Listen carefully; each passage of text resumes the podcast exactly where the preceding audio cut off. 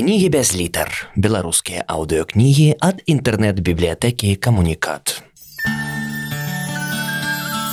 Уладзімір Арлоў Айчына. Маляўнічая гісторыя. Частка другая ад Агінскага да Багушэвіча.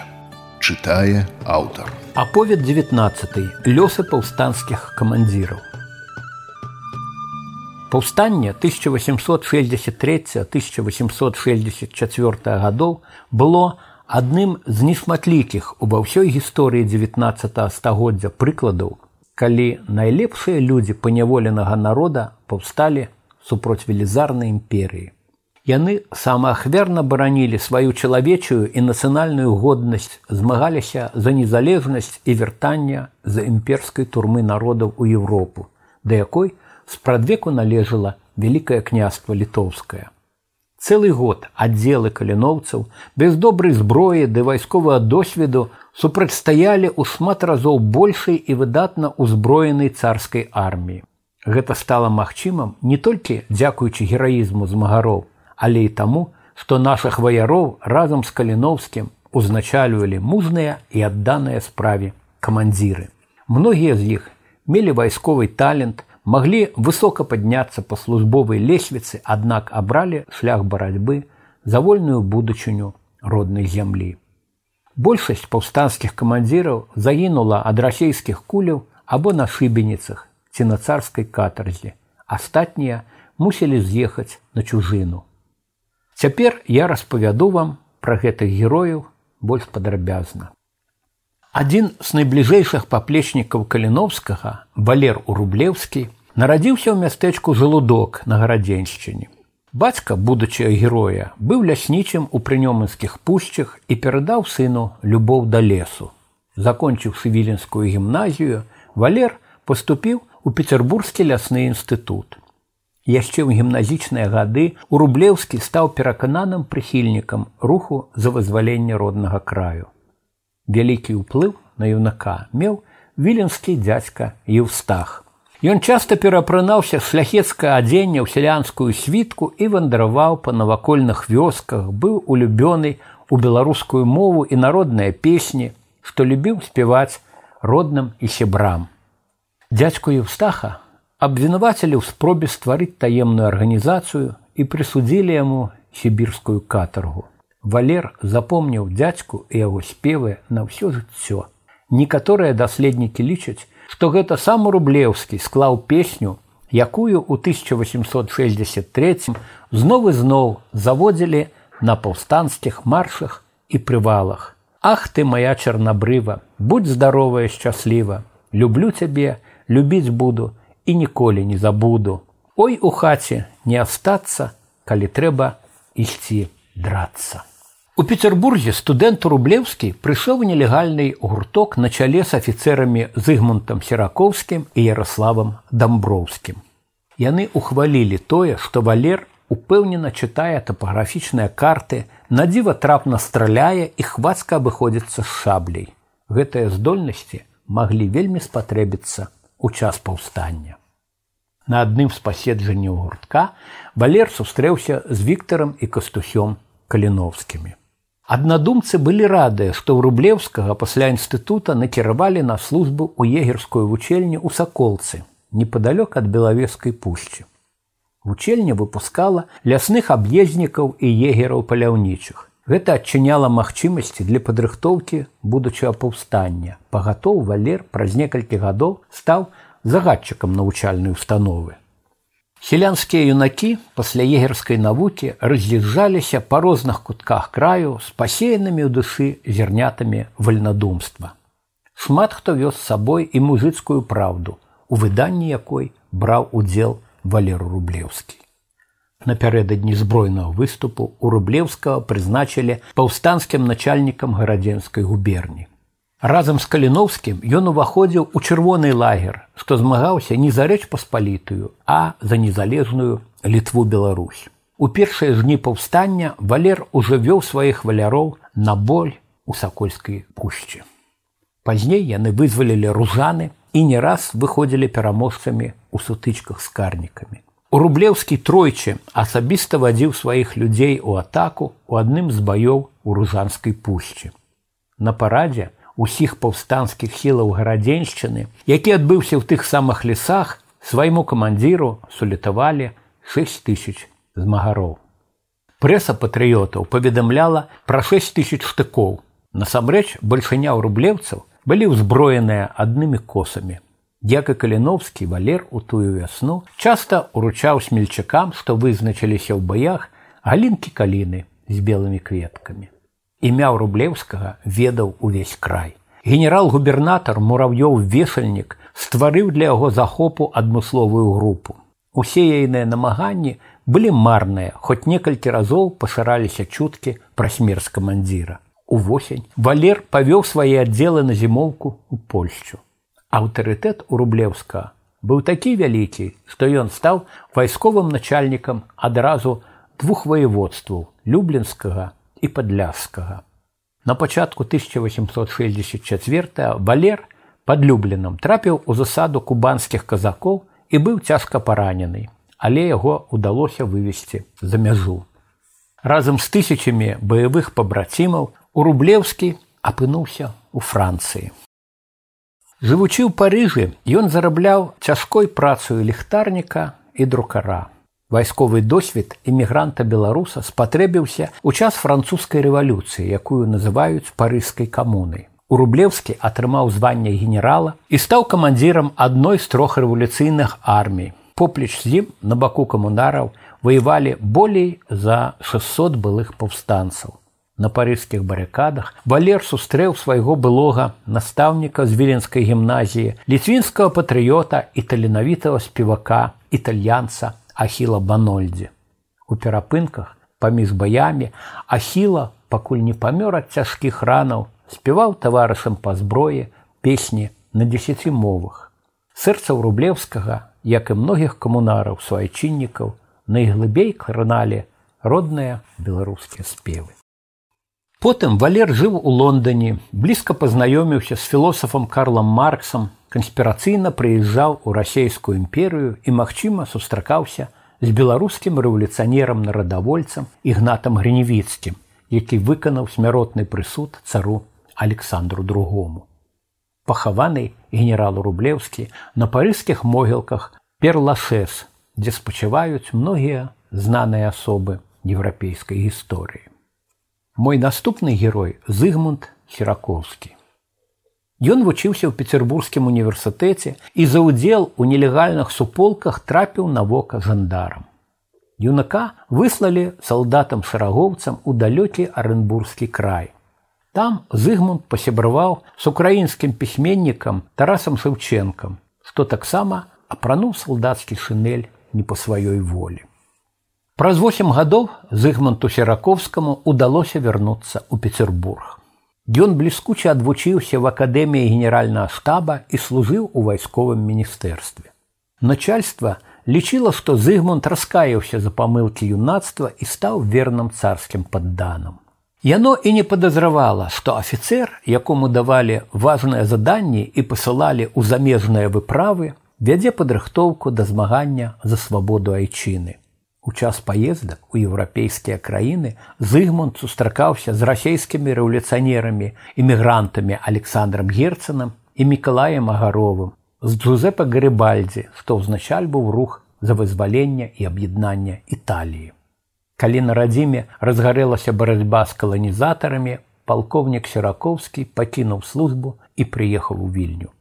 Дасведчанага афіцэра паставілі камандаваць збройнымі сіламі на ковеншчыне. Пад свае сцягі Зыгмунд хутка сабраў болей за две тысячи ваяроў. Некалькі разоў яны рабілі ўдалыя засады на карныя войскі і наносілі ім вялікія страты. Падначаленыя сераковска здабывалі перамогі і в адкрытых баях з непрыяцелем. У траўні 1863 Зыгмунд павёў сваё злучэнне ў курляндыю. Так называлася частка Латвіі, што некалі ўваходзіла ў рэч паспалітую.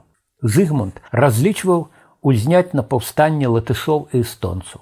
На пачатку патрыётам спадарожнічаў поспех. Апрача шляхты да іх далучалася смат сялянскай моладзі. Сераковскі часам нават абыходзіў вёскі, бо не меў для юнакоў зброі. Але імкненне біцца за волю было такім моцным, што сяляне ўсё роўна далучаліся да паўстанцаў, не маючы ў руках анічога апроч сякераў. Под рукой сераковскага быў і аддзел з 500 сялянаў узброеных цапамі. Вы памятаеце, што ваяроў з косамі называлі касінерамі, а вось адважных сялянскіх хлопцаў з цапамі ахрысцілі цыпавікамі. Напалохныя ўлады выслалі насустрач паўстанцам вялікія сілы. Карнікам усяляк спрыялі курлянскія немцы-абшарнікі. Каля мястэчка біржы нашы пацярпелі паразу. Цяжка паранены сераковскі трапіў у палон. Віленская моладзь склала план нападу на турэмны шпіталь і вызвалення героя. Калі зыгманту перадалі ліст пра гэта, ён не пагадзіўся, бо ведаў, што мурав'ёў весальнік, каб адпомсціць, учыніць у вільні крывавую расправу, якая забярэ дзесяткі жыццяў. На допытах Зыгмунд, нягледзячы на пакуты ад ранаў і тры аперацыі адмовіўся даваць паказанні на паплечнікаў. Мурав'ёў вешальнік загадаў правесці ваенна-пылявы суд проста вакол лоска героя, не могла целам, але магутнага духам. Суддзі пастанавілі асабліва небяспечнага мяцежніка расстраляць. Мурав'ёў паводле сваёй звярынай завядзёнкі замяніў расстрэл на павешанне. У адным з апошніх лістоў на волю сераковскі пісаў: і стоючы пад шыбеніцай буду пратэставаць супроць варварскага беспраўя, што прынесла маскоўская ўлада маёй дарагой айчыне. Уначы перад пакараннем на загад вешальніка да зыгунта прывялі ягоную юную жонку апалонію. Тая ўжо чакала дзіця. 15хвіліннае спатканне праходзіла падаховую 15 салдат і афіцераў. Апалонія размаўляла з мужам, укленчыўшы перад яго ложкам. Праз некалькі гадзін вайсковы доктар перадаў ёй зыгмантаву цыдолку. Анелі моя, жыць і быць вольным магу, толькі выдаўшы сяброў. Ніколі не здолеў бы пайсці на гэта, таму падпісаў сабе смяротны прысуд. Памру чыстай і незаплямленай. Буду кахаць цябе, буду лунаць над табой і нашым немаўлём. На месцы павешання сераковскага вільні усталяваная мемарыальная пліта. На ёй побач з імем непахіснага зыгмунта імя каліновскага, які быў пакараны смерцю на тым самым лукіскім пляцы. Падчас раскопак на цяперашняй гары гедзіміна, дзе расійскія ўлады скрытна хавалі паўстанцаў, археолагі зрабілі незвычайную знаходку шлюбны залаты пярсцёнак. На ім захаваўся надпіс Зыгмунд і апалонія і дакладная дата шлюбу. Пярсёнак пацвердзіў месца пахавання сераковскага і стаў памяткай пра ягонае узнёслае узаемнае каханне. Наш наступны герой Людвік Звяздоўскі меў канспірацыйную мянуску топор.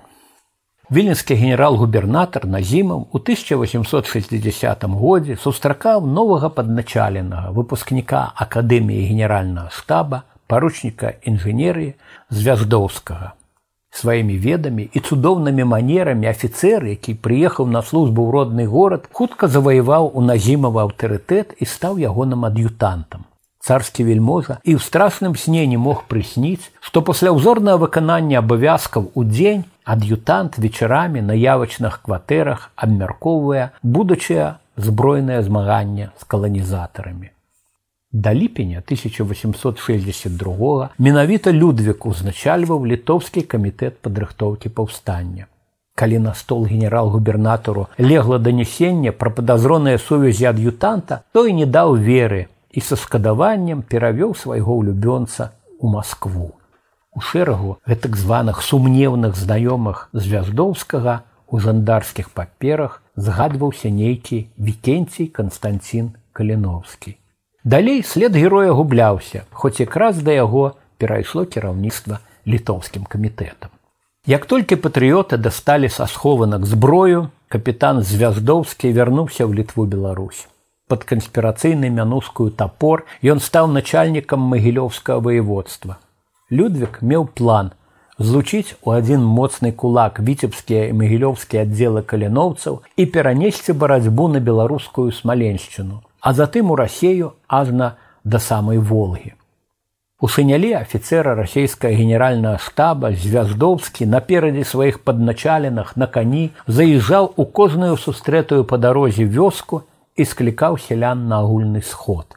Там абвяшчаў, што аддае вяскоўцам усю зямлю без выкупаў і павіннасцяў. Ён абяцаў таксама адмену рэкруцкіх набораў свабоду веры. У траўні звяздоўскі асабіста кіраваў захопам павятовага горада горкі. Гэты поспех так спалохаў улады, што ваяваць з некалькімі сотнямі патрыётаў з магілёўскіх аддзелаў выправілі цэлую дывізію. Тапор з падначаленымі апынуўся в атачэнні. Ворагі мелі пяхоту, кавалерыю і артылерыю. Каб уратаваць сваіх людзей, Людвік загадаў ім па адным прабівацца на захад, дзе доўжылася паўстанне. Звяздоўскаму заставалася ўсяго некалькі месяцаў жыцця. Ён яшчэ паспеў паваяваць з імперскімі карнікамі на польскіх землях, дзе камандаваў кракаўскай паўстанскай дывізіі. У лютам 1864 года топор, якому ішоў 35 год, трапіў у палон і праз лічаныя дні царскі кат накінуў яму на шыю петлю.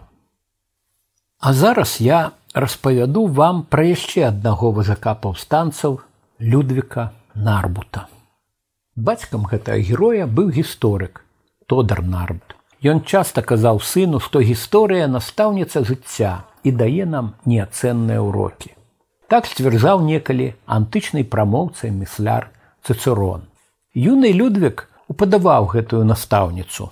Ён любіў слухаць аповеды старэйшых родзічаў пра часы ліцвінскай дзяржавы і чытаць кнігі пра даўніну. Менавіта гісторыя, як гэта часта бывае, выхавала ў юнака любоў да айчыны і самаахвярнасць. У 18 гадоў вучні апошняя класа віленскай гімназіі Нарбута арыштавалі за спробу стварыць арганізацыю для падрыхтоўкі антырасійскага паўстання.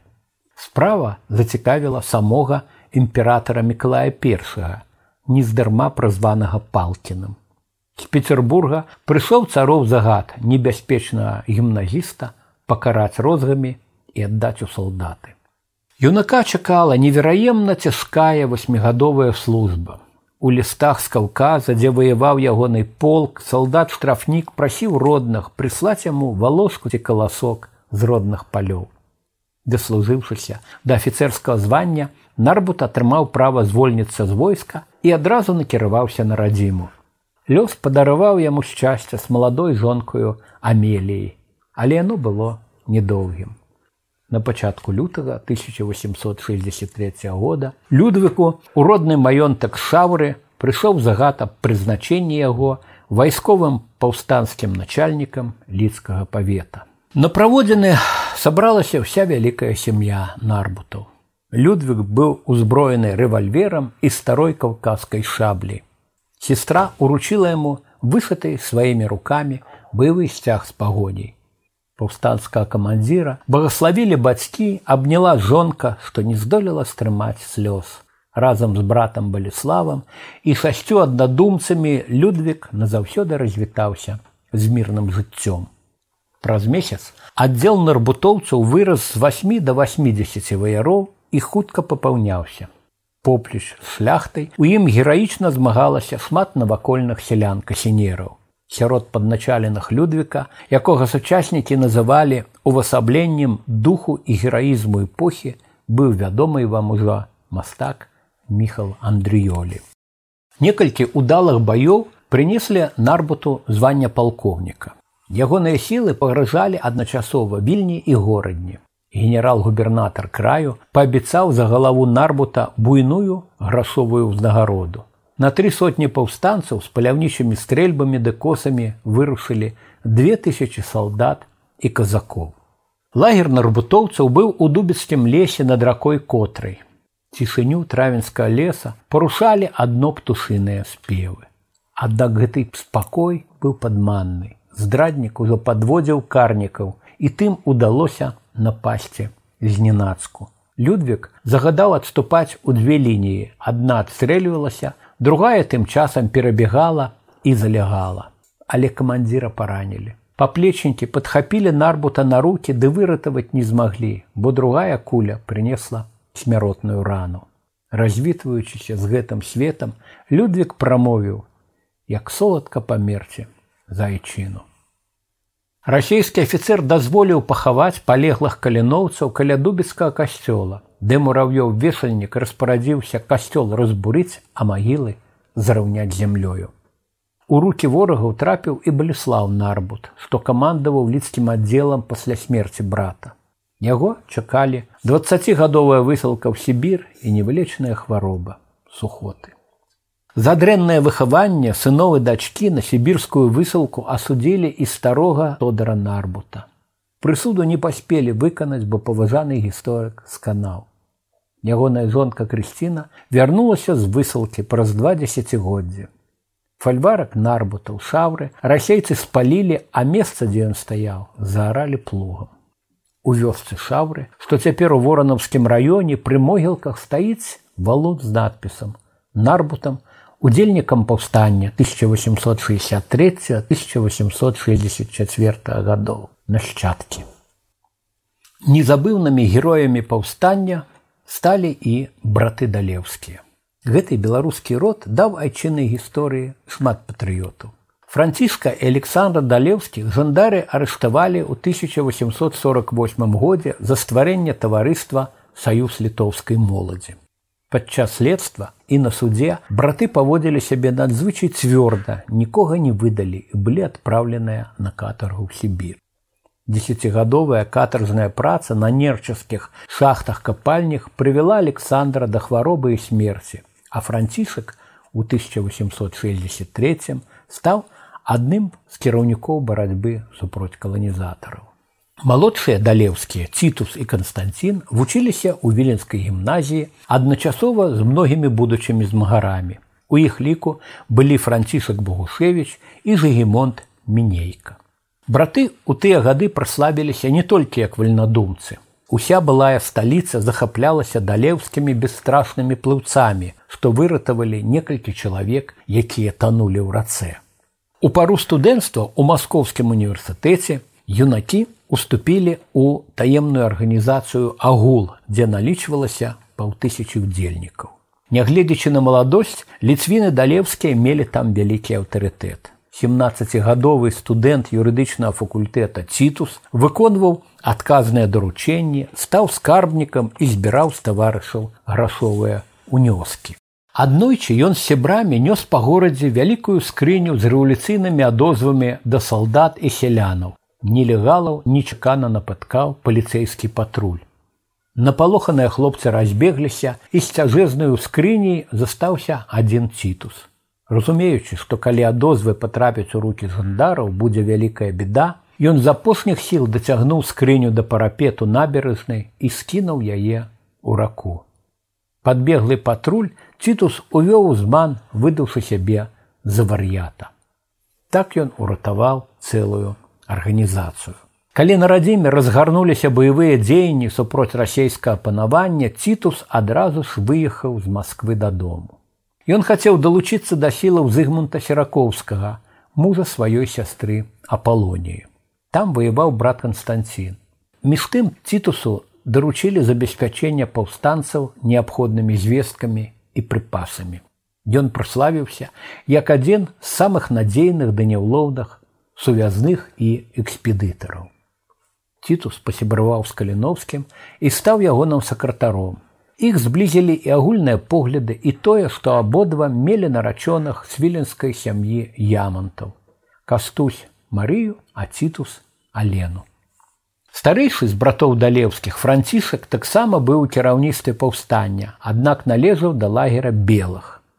Для царскіх уладаў гэта былі не менш небяспечныя ворагі калі жандары здолелі арыштаваць францішка, ён быў асуджаны на смерць. Сям'і ўдалося захаваць яму жыццё, выкарыстаўшы сквапнасць мурав'ёва вешальніка. За далеўскага і яшчэ двух каляноўцаў, прысуджаных да смяротнага пакарання, генерал-губернатар паклаў у кішэню велізарныя грошы 15 тысяч рублёў і замяніў смерць на сібірскую катару. Калі карнікам удалося разбіць серакоўскага пад біржамі, Канстантин Далеўскі стварыў свой аддзел. Баявыя сябры дзівіліся вытрымцы і нязменнаму спакою камандзіра. Ён часта аддаваў загады пад градам непрыяцельскіх куляў і сам ішоў наперадзе падначаленых у атаку. У адным з баёў Канстанцін быў цяжка паранены, ды загаіўшы рану, знайшоў сваіх баявых пабрацімаў. Праз восем гадоў ён змагаўся на барыкадах парыжскай камуны і загінуў за свабоду Францыі. Калі збройная барацьба ў літве беларусі дагарала цітус далеўскі часта мяняў падпольныя кватэры жыў пад рознымі прозвішчамі да яго ўсё адно высачылі пасля безвыніковых допытаў сакратара караля літвы каляновскага расстралялі у вільні А ці вядома вам хто з нашых суайчыннікаў быў названы ганаровым грамадзянінам элады яго імя зыгмунд мінейка Падчас прысягі імператору Александру другому вучань 4 класа вільнанскай гімназіі мінейка пад сакрэтам паведаміў таварышам. Ён паставіў на падпісным лісце прыдуманае прозвішча, а таму лічыць сябе не звязаным з царскай уладай, а ніякімі абавязкамі. Заможныя бацькі зыманта мінейкі хацелі, каб сын быў адукаваным чалавекам. Юнак стаў студэнтам адной з самых прэстыжных навучальных установ імперыі акадэміі генеральнага штаба і павінен быў атрымаць дыплом вайсковага інжынера. Але мінейка хутка далучыўся да вызвольнага руху. Прыязджаючы на вакацыі ў бацькоўскі маёнтак балванішкі, цяпер зялёны бор на асмяншчыне. Сталічны студэнт сустракаўся з аднадумцамі і марыў пра будучае паўстанне ён імкнуўся стаць патрэбным не расейскаму войску, а паняволенай айчыне. У сялянскім адзенні зыгмунд вандраваў па вёсках, разносячы і чытаючы сялянам антыўрадавыя улёткі. Паліцыя зацікавілася незвычайным падарожнікам, і ён, каб не трапіць пад арышт, з'ехаў за мяжу. Знакаміты рэвалюцыянер Джузепа Гарыбальдзі запрасіў мінейку выкладаць фартыфікацыю ў генуэскай вайсковай школе, заснаванай патрыётамі раз'яднанай на той час італіі. Даведаўшыся, што на землях літвы беларусі ўспыхнула паўстання, зыгмунд выправіўся на радзіму і стварыў асмянскі аддзел ваяроў. Каланізатары не забыліся, як гераічна змагалася за свабоду ашмяншчына ў 1831 годзе. Вы ўжо чулі пра гэта. Тады змагары занялі ашмяны, за што расійскія карнікі вынішчылі там палову жыхароў. Баючыся страціць мястэчка і цяпер царскае камандаванне выставіла супроць некалькіх дзясяткаў нашых ваяроў моцныя армейскія сілы. Паўстанцы пацярпелі паразу, а іхні камандзір апынуўся ў палоне. Мінейку чакала петля ката. Аднак прага муравёва вешальніка да грошай была такой бязмежнай, што зыгмунтавай маці пашанцавала выкупіць сынава жыццё за 9 тысяч рублёў. Смерць на шыбеніцы замянілі на 12 гадоў катаржнай працы. Мінейка не скарыўся. Уцёк з Сібіры і здолеў дабрацца да Европы. Ягоныя інжынерныя веды высока ацанілі ў Гландыі, Францыі, Балгарыі і Турцыі. Ды сваёй другой радзімай былы беларускі змаганец абраў Грецыю, старажытную эладу. На грецкай зямлі Зыгмунд Мінейка будаваў масты чыгункі. Ён паспяхова займаўся археалогіяй і раскапаў храм зеўсаў дадоне, што 200 гадоў марна шукалі іншыя археолагі. Ён рэстаўраваў легендарны мармуровы стадыён у афінах, сімвал адроджаных алімпійскіх гульняў. За вялікія заслугі парламент Грэцыі надаў мінейку звання ганаровага грамадзяніна гэтай краіны. Ягоны ўнук Андрэя з Папандрэу двойчы быў прэм'ер-міністрам Грецыі. Я захапляюся яшчэ адным паўстанскім камандзірам 1863 румуальдам траўгутам. Румуальд нарадзіўся на берасцейшчыне, а скончыў вядомую вальнадумствам сваіх вахаванцаў свіслацкую гімназію. У 19 гадоў ён запісаўся на вайсковую службу і ў 36 быў у чыне падпалкоўніка. Начальство абяцала траўгуту далейшую кар'еру і недалёкае генеральскае званне. І тут ён нечакана выйшаў у адстаўку і пасяліўся ў палескім маёнтку востраў паблізу кобрына. Да збройнага выступу заставаліся лічаныя месяцы. Былы баявы афіцэр разумеў, што перамагчы велізарную армію імперыі немагчыма, Але калі прыйшла пара без роздуму зрабіў свой выбор.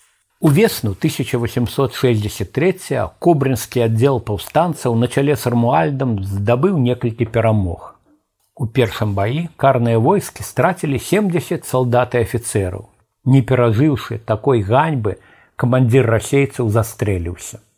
Пазней траўгут здзейсніў паход на піншчыну і украінскую валынь.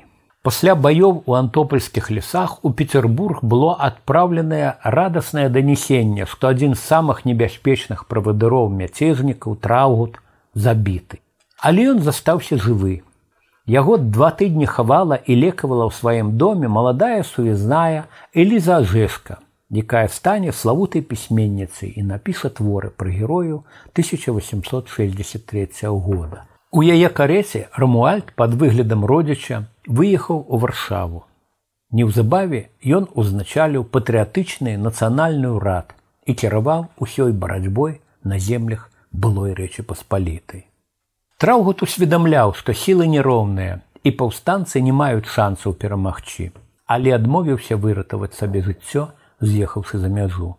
Увесну 1864 Румальт апынуўся ў руках жандараў, а ў жніўні пагардліва зірнуўшы на царска аката узышоў на эшафот шыбеніцай.